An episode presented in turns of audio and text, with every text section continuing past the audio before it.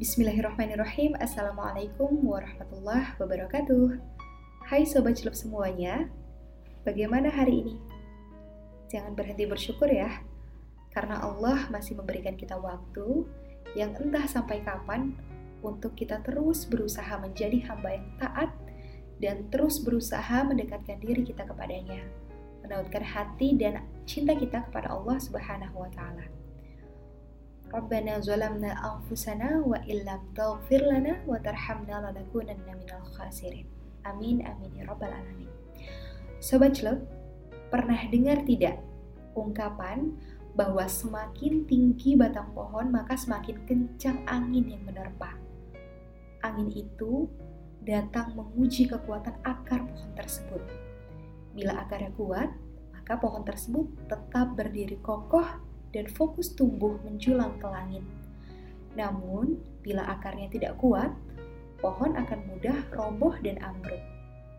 Begitu juga dengan manusia, yang senantiasa Allah uji dengan berbagai macam ujian. Semakin kita mengaku cinta pada Allah, Allah pun akan memberikan kita ujian sesuai kadar kesanggupan kita menerimanya. Maka, yang menjadi akar kita sebagai manusia adalah akidah kita.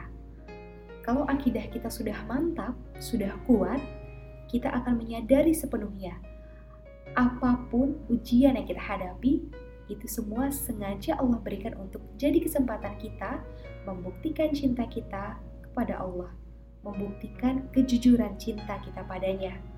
Bahkan ketika kita sudah menyadari ini, kita malah akan bersyukur ketika mendapat ujian dari Allah Subhanahu wa taala. Karena kita tahu bahwa semua ujian itu adalah bukti cinta Allah untuk kita. Allah ingin kita lebih kuat. Allah ingin kita lebih dekat dengannya.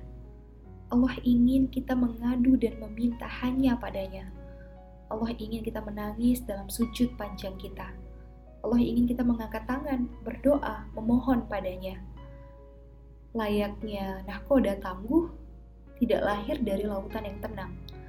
Sama kita nggak akan jadi hamba yang dekat dengan Allah kalau iman kita atau deklarasi cinta kita pada Allah belum diuji. Dan Allah menguji kita bukan karena Allah benci dan zolim pada kita. Bukan teman-teman. Melainkan karena Allah cinta pada kita. Allah sendiri yang mengatakan dalam Quran surah Fussilat ayat 46, A'udzu billahi rajim. Bismillahirrahmanirrahim. Man 'amila shalihan falinafsihi wa man asa'a fa'alaiha wa ma rabbuka bizallamin lil 'abid. Yang artinya, barang siapa mengerjakan amal soleh, maka pahalanya untuk dirinya sendiri. Dan barang siapa mengerjakan perbuatan jahat, maka dosanya untuk dirinya sendiri. Dan sekali-kali tidaklah Robmu menganiaya hamba-hambanya. Semakin besar ujiannya, semakin berat ujiannya, maka semakin besar cintanya untuk kita. Seperti dalam hadis riwayat Tirmizi, "Inna aizamal jaza ma'a izamil bala." Wa annallaha idza ahabba qauman ibtalahum faman radiya falahu ridha wa man sakhita falahu sukht. Sesungguhnya besarnya pahala disesuaikan dengan besarnya ujian apabila Allah Subhanahu wa taala telah jatuh cinta pada suatu kaum, maka Dia akan menguji mereka Barang siapa yang menerima, maka akan mendapat ridhonya. Barang siapa marah-marah, akan mendapat murkanya. Hadis riwayat Tirmidzi. Itulah sobat jelek, maksud dari cinta Allah. Bahwa ujian yang kita alami dalam hidup ini, Allah kasih supaya kita semakin berpeluang mendapat ridho Allah. Seorang hamba itu kalau sudah diridhoi, insya Allah gak ada lagi yang dirisaukan. Dunia dia dapat, akhirat pun sudah pasti. Bagaimana Sobat Jelek? Mindset saat mendapat ujian hidup sudah berubah kan? Bersabarlah saat dapat musibah dan bersyukurlah saat dapat anugerah. Karena musibah ataupun anugerah, suka atau duka, sedihan atau kesenangan, itu semua adalah ujian dari Allah. Hanya saja tampilannya memang berbeda. Misalnya, kenapa sih uh, kebahagiaan atau kesenangan itu disebut ujian juga?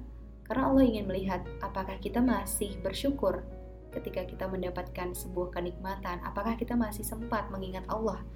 Atau kalau saat sedih, Apakah kita mau mengadu pada Allah? Apakah kita mau bersabar karena Allah? Makanya baik itu suka ataupun duka, baik itu anugerah ataupun musibah, keduanya adalah sama-sama ujian. Yang jelas, keduanya itu harus membuat kita semakin dekat dengan Allah Subhanahu wa taala. Semoga kita termasuk dalam orang-orang yang apabila Allah berikan musibah, kita bersabar. Kalau Allah kasih kita kenikmatan, kalau Allah kasih kita anugerah, kita bersyukur.